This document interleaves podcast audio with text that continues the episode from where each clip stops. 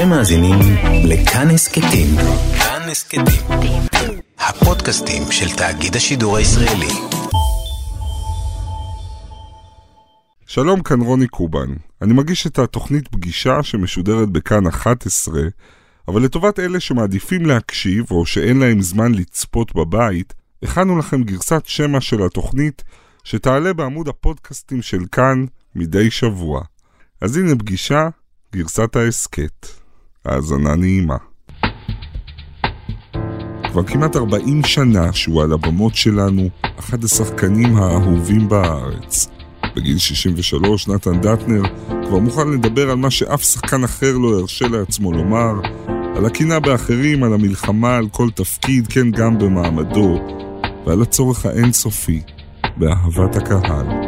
האיש שמעולם לא למד משחק הפך לשחקן במאי מנהל מצליח, ועדיין מדי פעם הוא מושיב בדמיונו את הוריו המתים בשורות הראשונות באולם, כדי שיוכלו לראות מה יצא מהילד. נתן דטנר הוא האורח שלי הערב. שלום נתן. שלום וברכה. טראם. תן לי, איך בתיאטרליות עושים את זה? טראם. כן. תשמע, עשיתי משהו. בכלל, דע לך, יש לי את החולשה הזאת. שמה? אה, אני סובל קצת, אני קורא לזה מסלייריזם. יודע מה זה? כן. כן. יש את המדאוס, יש את סליירי. בדיוק, ואני כל הזמן מעמיד את עצמי, ואני... השני הכי טוב. כן, זה סוד שאני מגלה עכשיו, שלא בטוח שכדאי שהפרטנרים שלי ישמעו. כשאני רואה מישהו שהוא יותר מוכשר ממני, ואני תמיד בטוח שיש יותר מוכשרים ממני, אמ, אני אפנה לו את הדרך. למה סיפרתי את זה? אלוהים ישמור, אבל זה מה יש. כן, זה הכי לא שחקן בעולם, הרי שחקנים כל הזמן רק מתחרים על הזרקור של האור. אני, זה, זה, זה לא מוריד מהתחרות. לא, אבל אתה אומר את זה עכשיו כן עם תחושה של החמצה. אולי אמ, פיניתי יותר מדי את ה... יכול להיות, אולי, כן. אולי טעיתי והם בכלל לא היו יותר מוכשרים נכון. ממני. יש באופן עקרוני אה, גווארדיה של שחקנים בגיל שלי, כן. ואני לא אגיד שמות, ואתה לא תכריח אותי, אבל ששון גבאי, כאלה. אני, אה, נקרא לזה ששון גבאים, אוקיי, לצורך העניין, אוקיי? כן. שאני אומר, יותר מוכשרים ממני החארות האלה, אה, ומה, ויאללה, קחו אותה. בעצבים אני אומר את זה, לא? אני, אני לא איש לארג', זה, זה לא בלארג'יות. לא, אבל אה, כי סליירי גם הרע מאוד. זה הרג בהכל. אותו. זה הרג אותו. גם אותך זה הרג ככה? זה הורג אותי. כן? לראות את ששון גבאי הורג אותך? לא, כמה הוא מוכשר? לא, הורג, אה? לא, ששון גבאים, אה, יש עוד. ששון גבאים, אוקיי. יש, לא, כי, הוא לא היחיד.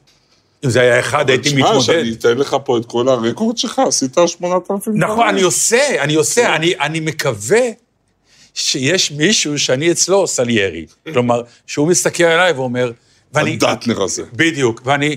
ז- זאת הנחמה שלי, שאני מאמין שיש. אבל אני לא עשיתי את כל זה עם איזה רצף של אה, אה, אה, ביטחון בלתי אפשרי. אתה חצבת לעצמך את הדרך במו ידיך. לא היה קיצורי דרך, באמת. תשמע, אתה התחלת את התוכנית עם רגע באמת נדיר של כנות. אני, אני מבטיח שעכשיו אנחנו נשב ואני אשקם לך את הביטחון העצמי. לא שאין לי ביטחון בוא, עצמי. בוא, בוא. לא, רק אבל אני בהחלט... שחקנים אוהבים אפשר- חיזוקים. בוא נגיד, אפשר לערער אותי.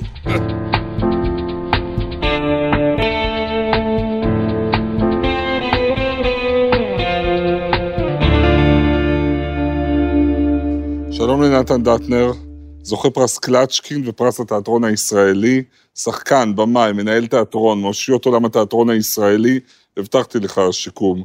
עם קשת תפקידים המפוארות שנראו כאן, אתה היית גם טוביה חולב, וגם סאלח שבתי, גם האלוף גורודיש, וגם פרופסור היגנס מגברתי ענווה, מפיסטו, אילוף הסוררת, ג'ו קלר בכולם היו בניי. עוד לא הזכרנו את הבטלנים עם קושניר, כמובן החתול שמיל, שאתה, אני יודע, מאוד אוהב שמזכירים לך אותו, מיהו, וגם העובדה שהצלחת בתקופת חיים אחת לנהל גם תיאטרון ציבורי וגם קבוצת כדורגל. מה יותר קשה, אגב? תראה, תיאטרון עשיתי שש שנים, קבוצת כדורגל שנה, אז אתה מבין מה היה יותר קשה. עכשיו, לפני שנצא בעקבות הרזומה הבאמת מפואר שלך, אני רוצה שנתחיל בשיחה על המקצוע המוזר הזה שנקרא שחקן. מקצוע שנראה כמו חלום, רישיון להיות ילד מצד אחד, מצד שני לחקור את הנפש האנושית, הנפש של עצמך, ועוד משלמים לך על זה כסף. למקצוע הזה יכולים גם להיות צדדים משפילים. אתם כל הזמן רוצים שיאהבו אתכם. טוב, בסדר, זה סוג אחר, זאת מחלה. מחלת נפש. הקלישאה הידועה אה, עובדת, זה אומר שאם אלף איש רואים את ההצגה ומוחאים לך כפיים ורק אחד בשורה ראשונה בצד לא מוחא כפיים, אותו אני זוכר. וואו. ועליו גם אני עובד, ועליו אני אופיע, ואני אגרום לו למחוא כפיים. כלומר, אומרים, אבל כל ה-999 איתך, מה מעניין אותך הנודניק? המקצוע הזה, מבחינה זאת, הוא פתטי, הרצון שלנו למצוא חן כל הזמן, לרצות כל הזמן. להיות במרכז תשומת הלב. להיות במרכז תשומת הלב. עכשיו, אתה גם בחרת את האופציה הכי קשה, כי אתה פרילנס, אף פעם לא היית שחקן קבוע בשום תיאטרון. קרה לך פעם בקריירה שלא הייתה לך עבודה? כן. לא הרבה, אבל היו תקופות, ולאחרונה הייתה לי תקופה שהייתי ממש בלחץ, כי פתאום הבנתי שאין לי הכנסה כמה חודשים קדימה. מה עושים? מתחילים לקושש עבודה. טלפונים. בזה אני לא מתבייש, אף פעם לא התביישתי. להרים טלפונים, להגיד, חבר'ה, בגיל 60 פלוס, אחרי כל זה, כן. אתה, אתה עדיין מרים טלפון למנהל תיאטרון ואומר, מה איתי? כן, תחשבו עליי, לתפקיד הזה, כן. מה אם מצלצל לבמאים, למנהלי תיאטרות? כן. אני לא מאמין. תאמין. זה לא נורא משפיל? לא. לא, כי כשהייתי מנהל ועכשיו כבמאי, אני יודע, המון פעמים ליהוקים הם אה, פועל יוצא של ידיעה. שאתה בא ואתה אומר, מה אם זה? לא, הוא, סגור, עסוק, ב... הוא כן. עסוק. הוא לא עסוק. אבל עדיין להתקשר למישהו ולהגיד אני פנוי, זה לא קל. אני מוכן לתרום את שירותיי, אני לא אומר אני פנוי. באמת, אני מוכן עוזר? לתרום את שירותיי. כן, עכשיו מה שקרה, זה שמרוב שתרמתי את שירותיי, נענו לי יותר מדי, ואני עכשיו אה, באוברלאפים. כלומר, אני ביימתי משהו ומיד התחלתי לשחק משהו, ועכשיו אני הולך לביים משהו, ולהתחיל לשחק עוד משהו, והכל עכשיו, בקצת יותר מדי. אפרופו הבמאי, שמעתי גם כש, כשאתה מביים הצגה וה- והיא עולה, זה נכון שאתה לא מסוגל להיות בערב הראשון, לא, אתה לא נמצא באולם. אה, לאן אתה הולך? בית קפה למטה. אני לא יכול לראות את זה. אני לא יכול לראות, זה חלק מהחוסר ביטחון, אם עשיתי עבודה טובה, אני לא יודע. אז עכשיו, אתה... איך אתה... אז יש לי את העוזרת במאי, היא מסמסת לי, אני אומר לה, היא, אני למטה, היא כותבת לי, "אבל- אה, קהל מקשיב, שוס גדול, צוחקים. צוחקים, אה, בטן, צריך לטפל בזה, כל מיני כאלה. כן, אני לא יכול. וגם ההצגה השנייה, אני למשל, אני לא רואה אותה. אני יושב בחדר הלבשה ושומע אותה רק. וואו. כן. תשמע, זה יכול כמה להיות שנים אתה במקצוע הזה? כמעט 40. וואו. לא, ועדיין הלחץ הוא כל כך... אה, בוא נדבר קצת על העבודה עצמה, עבודת השחקן. אמרת פעם שזה לא נכון לשאול שחקן איך אתה נכנס לדמות, אלא יותר נכון לשאול איפה מצאת את הדמות הזאת בתוכך. נגיד יעקב גנץ, נכון? דמות, דווקא על זה הלכת, כן, אוקיי. נראה לי, דמות קשה מאוד. דמות קשה. גם אנחנו- אדם שהיה, דרך אגב. אנחנו, אדם אמיתי, אנחנו מדברים על המחזה גטו, קלאסיקה של יהושע סובול. יעקב גנץ היה יושב ראש היודנרנט בגטו וילנה. מצד אחד הוא הקים את התיאטרון בגטו, מצד שני הוא האמין שצריך לרצות את הנאצים, גם אם זה אומר לשתף פעולה ולשלוח חלק מהיהודים אל מותם. ואתה, וככה להציל יהוד- יהודים יהודים אחרים. ואתה, בתוך כל הסמטוחה של להיכנס לתפקיד הזה, אתה גם בן לאבא ואימא ניצולי שואה.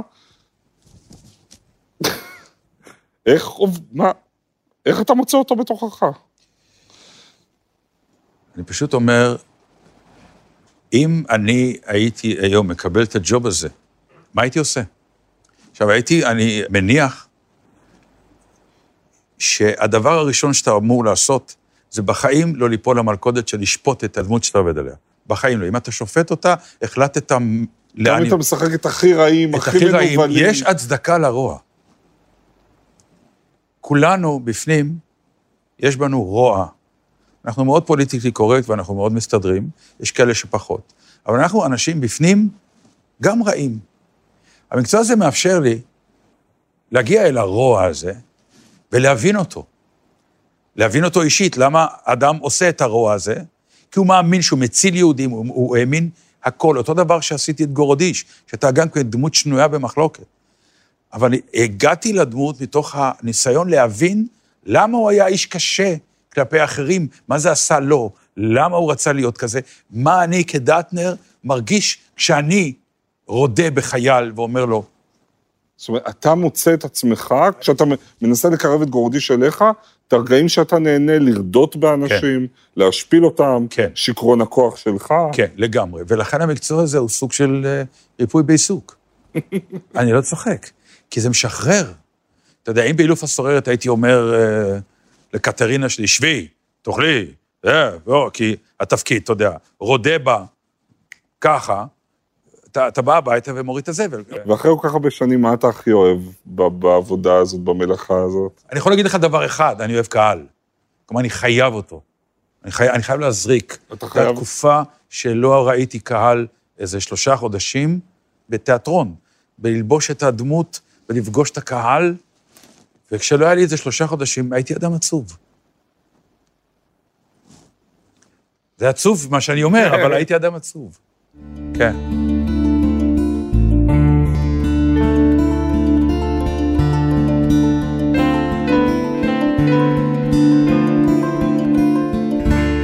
טוב, אז אימא ואבא, אלה ואלה, נכון? כן. כן.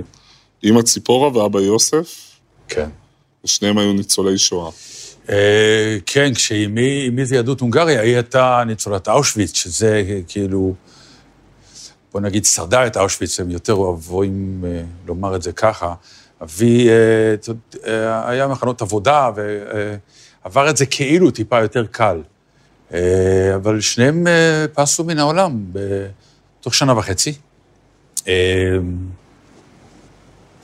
אמי הייתה 58, אבי היה 61.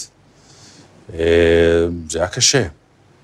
זה היה קשה כי, אתה יודע, כשיש לך הורים, אז מה שלא יהיה, אתה תמיד אומר, יש הורים. אני אפשוט את הרגל, אני אעזוב את הבית, אני לא יודע מה יקרה, תמיד יש בית לדפוק, להגיד שלום, ויקבלו אותך. ופתאום, הקיר הזה שהיית, פתאום הוא נצמד, כי אתה מבין שאתה מסתובב אחורה ואין. אין שם אף אחד. אתה הקיר. אבל, אה, אתה יודע, תמיד שואלים אותי, אתה הולך לקבר? אני לא. אני לא מאמין בזה. כלומר, לבוא לשדרה הזאת של הקברים ולעמוד על יד, אפילו לא פעם בשנה? לא. אני פשוט אה, מושיב אותם באולם מדי פעם, לראות, אה, כי זה באמת, אה, זה, זה כזו החמצה, שהם לא ראו את. את הקטנצ'יק הזה עם הכינור, בק- נהיה כנר על הגג. ו- ומשהו מאוד מעניין אצלם, שהם יצאו מהמחנות עם מסקנות שונות לגמרי, נכון? כן. נגיד, בכל מה שקשור לאלוהים, אבא יצא... זה התחלק, כן, זה התחלק. אמא אמרה, אני אה, שרדתי את השואה, סימן שיש אלוהים, ואבא אמר, הייתה שואה? אין אלוהים. במשפחה אחת. משפחה אחת. אבל אני הייתי הילד שלה, כלומר, אחותי הייתה, יונה הייתה הבת של אבא, ואני, כשנולדתי, היא אמרה, זה שלי, קראה לי על שם אבא, שמה לי כיפה, שמה לי כינור, רצתה שאני אהיה יהודי מנוחי. אז גם בדת התחלקתם, כי אבא ואחותך היו האגף החילוני, ואימא ואתה האגף הדתי. כן. ובשבת הם הולכים לים, ואתם... מנופפים להם מהמרפסת איך זה בשלום. עובד? זה עובד מודל ככה המדינה צריכה לעבוד, בסטטוס קוו מדהים אוי שכזה. ואבוי. כן, אבל מתישהו אתה מחליט לעזוב את זה, להוריד את הכיפה, בגיל 14. כן. למה? זרקתי גם את הכיפה וגם את הכינור. כן. למה עשית את זה אגב? כי כל השכונה שגדלתי בה, הייתה שכונה חילונית. הייתי גם, אה, התאהבתי באחת הבנות שם. בנות, ברור. וידעתי שעם הכינור אני לא אגיע אליה. אז עברתי לגיטרה. אתה יודע, שם שרים בחבר'ה, קט סטיבנס וכל מיני כאלה. ואיך היא קיבלה את זה, אימא? אה, היה לה מאוד קשה. אז היא באה לבית ספר, הם קראו לה לשיחה, ואמרו, אנחנו הולכים לאבד רב גדול מאוד. אז היא אמרה, אז מה עושים? אז הם אמרו לה, בוא נעשה עוד ניסיון אחד, נשלח אותו ל... הם שלחו אותי לוויקנד, שבת ארוכה, בנתיב מאיר בירושלים. זו ישיבה מאוד קשה. שם סופית הבנתי. שאני לא, כן. זה היה, זה היה קשה. בסופו של דבר, אימא שלך נפטרה מסרטן. ואבא מלב, כל הערכה, כל ה-DNA, אני אבוד. נתחיל באימא, היה לכם הזדמנות להיפרד?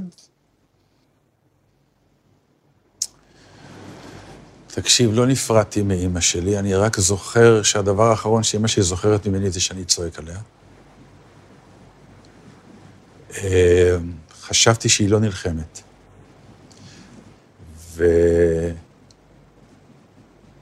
והיה שלב שבו עמדתי מולה ואמרתי לה, מתי כבר? תילחמי, את לא נלחמת, אמא, זה לא יעבוד ככה. וממש ראיתי איך היא נפגעת מזה נורא, ואת ההודעה על ה... הנה, זה החיים בתיאטרון. היינו בתיאטרון חיפה, שיחקנו קומדיה, והגיע טלפון לתיאטרון חיפה בשמונה וחצי להודיע לנתן שאימו נפטרה. מי שקיבל את הטלפון זה וישינסקי, השחקן, שהיה איתי בהצגה, והוא במהלך מאוד מאוד חכם לא סיפר לי. וכשנגמרה ההצגה, הוא אמר, בשביל מה לספר לו עכשיו? יש הצגה, הרי הוא לא יעזוב עכשיו, כי די, זה היה כבר שמונה וחצי. אנחנו. שיעביר את ההצגה, הרי די, מת, אתה יודע, הזמן עומד מלכת. ואחרי הצגה הוא לקח אותי הצידה, אמר לי, תקשיב, קיבל טלפון, אמא שלך כנראה במצב לא טוב, יכול להיות שהיא כבר לא בחיים. מטורף. אה, כן, מוקדם מדי. שניהם, מוקדם מדי. זאת אימא ואבא, מה היו נסיבות מותו? זה סיפור uh, מטורף. אבא נפטר במיטה. אוי, תשמע. שמע, זה רגע של make them laugh, make them cry קורה כן. פה, אתה, זוכר כן. מכל הקופה. כן. אוקיי, אז make me laugh. אמ, יש אמרה שאומרת, נשים יקרות, אנחנו הגברים כן. מתים עליכם ומתים לפניכם. בדרך כלל גברים מתים לפני נשים. אז השוק מוצף באלמנות. אוקיי. פה קרה מקרה חריג, שהאישה נפטרה קודם, וגבר בשיא כוחו גיל 60 ואחת, אני כבר יותר מבוגר ממנו. אוקיי. יוצא לשוק הזה. הם התנפלו עליו ברמות מטורפות. והשכן היה אומר לי, אני דואג לאבא שלך. אמרתי לו, למה? הוא אומר, הוא חוזר מהנגריה, מתקלח ונכנס לאוטו עם ארבע נשים. אוקיי. והתחילו שיחות איתי ברמות שהייתי אומר לו, אבא, אבא, it's too much information, אני לא יכול ככה. הוא יתחיל לשתף אותי, ההיא ככה, והיא ככה, והיא לא טובה, והיא כן טובה, ההיא עושה ככה. אמרתי, אבא, תעזוב אותי, תבחר את מי שאתה רוצה, אני אלך איתך, הכל בסדר. אוקיי. ואז יום אחד באמת אחותי ואני מקבלים טלפון כזה באמצע הלילה, מאישה שאנחנו לא מכירים, שאבא במצב אה, לא טוב, זה הכתובת, תבואו. ושם הוא היה, אכן, הם בילו, הם ראו סרט, אכלו אבטיח. כנראה נכנסו למיטה, ו... מאוד קדושים, זה היה גם ערב יום כיפור. באמצע פעולת האהבה. למה? It's too much information מעכשיו. רגע, אז אתם מגיעים לשם ו... אתה רוצה להמשיך את הסיפור הזה? ברור. אחותי תהרוג אותי. פוגשים אישה. שאתם לא מכירים. לא, אנחנו לא מכירים. אוקיי. ואנחנו מבינים ש... הוא במיטה. שכן, וכבר הגיע, הגיעו הניידות וכולם, וניסו להחיות אותו, ו... והוא לא בחיים. ועכשיו צריך לחכות למשטרה, כי אתה יודע... כשמישהו לא נפטר בביתו, המשטרה חייבת להראות שלא היה פשע ולא כלום, אז מחכים. אתה ואחותך. אני אחותי, וגם סמדר אשתי הגיעה גם. והמאהבת. וכן, ואנחנו משוחחים על קפה. עד שיגיע, עד שתגיע המשטרה. גורל של אנשים. טוב, הלוואי על כולנו. לא, לא. בוא נגיד, הוא נפטר שמח. כן. אין מה להגיד אחרי הסיפור הזה. בוא נעצור. בוא נעצור. כן.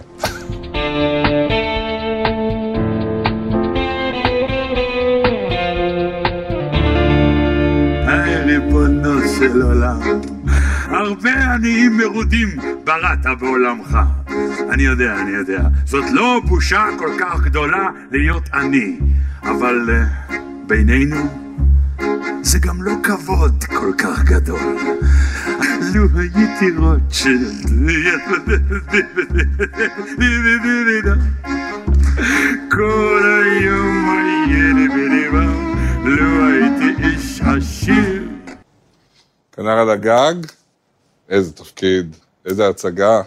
אני ראיתי אותה שלוש פעמים, הצגה גם שהרגשת בסוף שאומרת משהו, משהו, וצריכה לזקק משהו על הגורל היהודי. זה תפקיד שיש בו שליחות, עם כל הציניות, אני מוכרח להודות.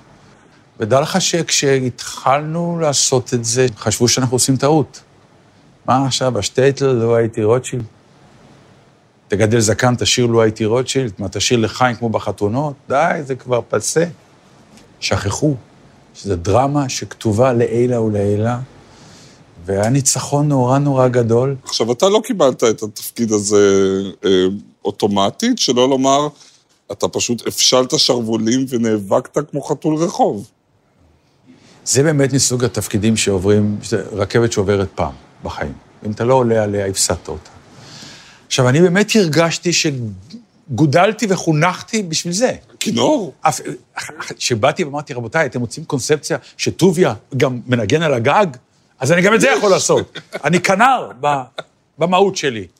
אני יודע מה זה לדבר עם אלוהים, כי בתור ילד הייתי בבית ספר דתי וכל יום דיברתי עם אלוהים. בקיצור, יותר מזה, אפילו שמעתי על כמה מתחרים שהם היו טנורים. אמרתי, רבותיי, ללהק מחזמר זה כמו אופרה. התפקיד של טוביה הוא בריטון. זה חייב להיות, לו הייתי רוטשילד. זה לא יכול להיות, לא הייתי רוטשילד. זה לא עובד. וכל הדברים האלה... משחק מלוכלך אה, קצת. לי יותר, אוקיי. אפילו הייתי אומר, השחקן ההוא, תדמיינו אותו עם זקן, זה לא נראה טוב. ככה, הייתי ממש מלוכלך. מה זה נקרא מלוכלך? אתה יודע, באתי עם טיעונים חזקים. ומתי הבנת שיש לך את זה? אתה יודע, אני ניצלתי דבר אחד, הייתי אז מנהל התיאטרון. אז במסגרת אה, המפגש של מנהלים, תמיד הייתי נפגש עם נועם. נועם סמל. מנכ"ל הקאמרה. כן, והייתי אומר לו, אוקיי, זה וזה וזה וזה, גמרנו את השיחת מנהלים, אוקיי, מה קורה עם כנר? לא יודע, זה, דבר עם עומרי ניצן, דבר עם זה, אני דווקא רוצה, עומרי הוא אה, עוד אה, מתלבט, הוא לא יודע, כן. ואז, אחרי חצי שנה, אני זוכר, ישבתי במשרד של נועם, וגמרנו את שיחת המנהלים. ואז אני אומר לו, תקשיב, נועם, הכל אצלי בהולד, הכל עוצר. גם לא, זה כבר תשובה. אני חייב לקבל תשובה, כי אני חייב לראות מה אני עושה עם הניהול של באר שבע, ובכלל, מה אני עושה עם עצמי, כי עצרתי הכל בשביל זה. אני זוכר את הפאוזה של נועם, הסתכל עליי, ואז אמר, טוב, די, נמאס לי, אני מחתים אותך. וקרא לה המזכירה שלו, והוא אומר לי, תביא לי דף, תביא לי דף, דף, דף, נתן דטנר, חותם, זה, לקסם מדבר אחר כך, זה, זה, זה, זה, ש- אל תגיד עוד לאף אחד, כי עוד, יש אנשים שעוד עושים אודישן. ככה זה היה. ואז יצאתי והתקשרתי לסנדר, אמרתי לה, זה שלי, לא להגיד לאף אחד. וזה היה אחד הימים הכי מאושרים בחיי, באמת. עכשיו, אמרת קודם שלפעמים, כשאתה לא עולה לבית קברות, לפעמים אתה מזמין את אבא ואימא לשורה שלוש-ארבע, פה בטח שמרת להם מקום כל, כל ערב. לא, אבל פה הם גם עזרו לי, כי יש סצנה מאוד קשה שהבת שלי השלישית, של טוביה. של טוביה, מודיעה שהיא יוצאת עם גוי. אה, והוא קורא עליה קריאה ומחליט שהיא מתה. כאילו, היא לא קיימת יותר מבחינתו. והוא נקרע, הוא בוכה מזה. עכשיו, יש לנו מה שנקרא בתיאוריית המשחק זיכרון חושים. כלומר, איך אני אבכה כל ערב, אה, איך אני מביא. והושבתי אותם. אני עמדתי אז בצד ימין במה, הושבתי אותם תמיד בשורה שנייה. אבא ואימא המתים. את אבא ואימא שלי. כל יום באזור הזה מסתכלים עליי, כאילו ניצולי שואה שלא זכו לראות את הבן שלהם עושה את קנה על הגג. כאילו שיא העניין בתל אביב, בעברית, זה הטריף אותי, זה עצבן אותי, זה עד היום, יש לי כאילו שיחות איתו. למה? אז עוד יש לך שיחות איתו. אה, כן, רק כאלה, רק תלונות. רק תלונות. אוקיי. רק כשיש צרות עם... אה, וזהו, וככה אה, אני כל ערב הייתי בוכה עליהם, יחד עם הבכי של, של טוביה. זה היה... אה, זה היה מכונן, באמת, זה היה קתרסיס לי. בוא נדבר קצת על הקהל. האם קרה לך פעם שאתה עומד על הבמה, דרמה, מורטת עצבים, מרתקת, ואז רגע לפני שאתה נכנס למונולוג הכי דרמטי שלך, פור פור, פור טלפון מצלצל בקהל. זה קורה כל הזמן. גברתי ענווה, שאני כהן ואני על הבמה, ומההתחלה של ההצגה, בשורה הראשונה יושב מישהו זה כבר לא רק הצלצולים, זה כן, ה-SMSים. ברור. כן. עכשיו, הוא לא מרים את הראש. אמרתי, אוקיי, עוד מעט הוא ירים את הראש, והוא לא מרים את הראש. הפסקה. מתחיל חלק, חלק שני. אני עולה לבמה, והוא שם. עכשיו, בדיוק היה קטע שיש נשף וכולם רוקדים חוץ ממני. נתתי להם לרקוד, וירדתי מהבמה. עכשיו, הוא לא ראה אותי. והוא סימס, וניגשתי אליו, אמרתי לו, מה אתה עושה? כן, ככה. עכשיו, הוא באמת, "אה, זה עף לו מהיד, הוא נבהל, ואז כולם עצרו. גם הנשף נעצר, הכל נעצר. והקהל מחא כפיים, כי הוא הבין. וזה נכון שהערת פעם למישהי או למישהו בגלל שהוא לא מחא כפיים בסוף ההצגה? בהשתחוויה. זה, אוקיי. יש כאלה שיושבים בשורה ראשונה. אני לא מאמין. לא, אחרי שלוש שעות, עובדים באמת קשה. זאת, שלוש שפכתי שעות. לאגר, אל- אל תמחא לי כפיים כי נורא נהנית, לפחות על העבודה. כאילו, הערכה שבן אדם מתאמץ. עכשיו, שורה ראשונה, האישה מוחאת כפיים והגבר מסתכל עליה ככה. אז אני משתחווה, בדרך כלל, ואני עושה לו, מה קורה? מה קורה? לא עבדנו קשה? ככה. באמת. ואז תמיד יש להם את ה... אה, אוקיי, זה... תגיד, איך הגיל משפיע על הקריירה? זה עוד תוכנית. תוכנית נוגה במיוחד, הבנתי. תקשיב. מה, למה? יש תפקידים מעולים, לא? אני אגיד לך, יש... אה, המקצוע הזה מודיע לך את הזמן בפנים. אני עכשיו לא קיבלתי תפקיד כי הודיעו לי שאני זקן מדי. לא נכון. כן. איזה תפקיד? הייתי צריך לעשות את ג'אבר. בעלובי החיים? כן. אני כבר הייתי חתום, הראשון שחתום על זה. ומקינטוש הסתכל בווידאו ואמר, he is fucking too old for the part. כן. יש חמישה זמנים בחייו של שחקן. מי זה נתן דטנר? תשיגו לי את נתן דטנר, תשיגו לי מישהו כמו נתן דטנר, תשיגו לי נתן דטנר צעיר, מי זה נתן דטנר? זה המעגל. אני פחות או יותר כבר באצבע, לא רוצה להראות, כן? אבל אני אומר, משהו במקצוע הוא מודיע לך. כלומר, אם עד לפני שנייה שיחקתי מאהבים, פתאום אני משחק את אבא שלהם, ופתאום אני קיבלתי עכשיו פנייה, האם אתה מוכן לשחק סבא של? אמרתי, מי פה טועה? מי שהציע לי את זה, או אני, שאני חושב שאני יותר צעיר ממה שאני. אני מי מוכרח להודות. שהציע טועה. עדיין. אתה עוד לא סבא, דטנר. אתה- יודע, אה, בתי... אתה סבא. היא לא, היא עוד לא הביאה, אבל בר- ברגע שהיא תביא, ואני אישית כאילו כבר אה, כן מרגיש מוכן להתמודד עם המילה הזאת. היום הסבא והסבתות הם מגניבים. יותר, כאילו, כן? אבל בוא נגיד, המקצוע לא אוהב אותנו מבוגרים. המקצוע אוהב אותנו צעירים וסקסיים, וככה זה בחיים. וכשאתה מבוגר, אתה צריך להביא המון כישרון, כי סקס אפיל כבר ודברים כאלה לא באים כולם בחבילה אחת. נתן דטנר, תודה רבה. בכיף. היה ממש כיף. גם לי, האמת.